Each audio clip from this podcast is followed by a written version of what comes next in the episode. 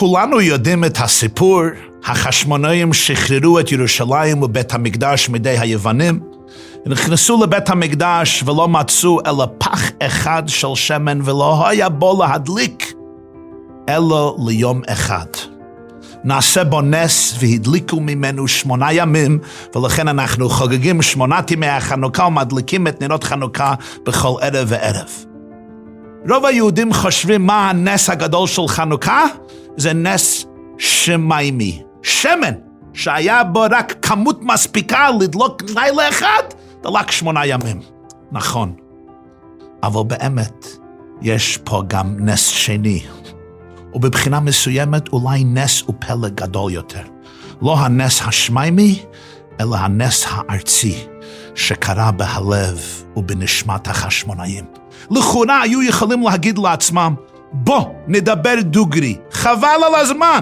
יש שמן ללילה אחד. אז אנחנו נדליק את המנורה, מחר כבר אין שמן, המנורה תישאר מיותמת לשבעת ימים. זה לא יפה, זה לא מכובד. בוא נמתין עד שמביאים שמן חדש מתקוע, ונדליק את המנורה ללא הפסק, ללא הרף, המחיה. למה להדליק, אחר כך להפסיק ולהמתין? החשמונים לא חשבו כך.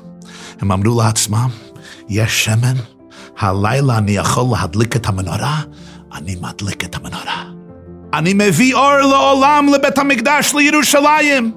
ואז נעשה הנס השמיימי, והדליקו ממנו שמונה ימים. מאיפה למדו דרך החשיבה הזו? אולי זה מגיע מראשית ההיסטוריה היהודית. התינוק משה נולד, אז הרי הייתה הגזירה האיומה של כל הבן הילוד, היאורה תשליכוהו. אמה של משה רבנו לוקחת את התינוק בן שלוש חדשים, מכניס אותו לתיבה. ושם אותו על שפת היאור של נילוס, בתקווה אולי ירחם, אולי הילד הקטן שלי ינצל. בת פרעה מגיע להתרחץ במימי הנילוס, והיא רואה תיבה. ותשלח את אמתה ותיקחהו. היא לוקחת את התיבה, היא פותחת את התיבה, היא רואה את התינוק, ולוקחת אותו לבית ומגדלת אותו בתוך ארמונו של פרעה מלך מצרים. מגיע התלמוד במסכת סוטה במדרש, ומספרים לנו שהזרוע של בתיה, בת פרעה, באמת לא הצליחה להגיע לתיבת משה. היא הושיטה את היד ונשתרבבה אמתה אמות הרבה. אולי עשר מטר, עשרים מטר, שלושים מטר, עד שהיד הזרוע הגיעה לתיבה ולקחה את זה. ואני שואל אתכם, רבותיי, מה הניע את חכמינו זיכרונם לברכה להכניס סיפור כזה לתוך המקרא, שהיד שלה נשתרבבה אמות הרבה? מה לא טוב עם הסיפור עצמו? ובאמת, אם אתה היית מגיע לים ורואה משהו בתוך המים, הוא מושיט את היד, ופתאום היד שלך מתארכת מטרים הרבה, מה היית עושה? אני הייתי בורח וקורא למשטרה. היא לא פחדה? רב שמחה בונה מפשיסח אמר משהו נפלא. החכמים לא רוצים ליצור סיפור חדש חלילה. הם רוצים להביא לנו את המוזיקה, את ההרמוניה הפנימית של הסיפור. יש לפעמים בחיים, בן אדם יש לו אמביציה לעשות דברים טובים, אבל זה בתוך גדרי הטבע. זה בתוך היכולת שלו, זה משהו שמתאים לכישרונותיו או לכישרונותיה. אבל לפעמים אני רוצה לעשות משהו, זה יפה מאוד, אבל אני פשוט לא יכול. מה אני חושב? מה אני צריך להתחיל? זה הרי יהיה כישלון בלאו הכי. האם בת של היטלר, יימח שמו, יכול להציל תינוק יהודי להביא אותו לארמונו של היטלר ולגטל אותו שמה. זה הרי משהו לא נורמלי, זה אבסורד, מה אתה חושב על דברים כאלה? את אישה נחמדה ומקסימה ובעלת לב טוב, אבל זה לא משהו שאפשר להצליח בו. היד שלך לא יכולה להגיע ליעד זה, תפסיק מזה, תחלום על דברים אחרים. אבל בת פרעה לא חשבה ככה, היא הבינה.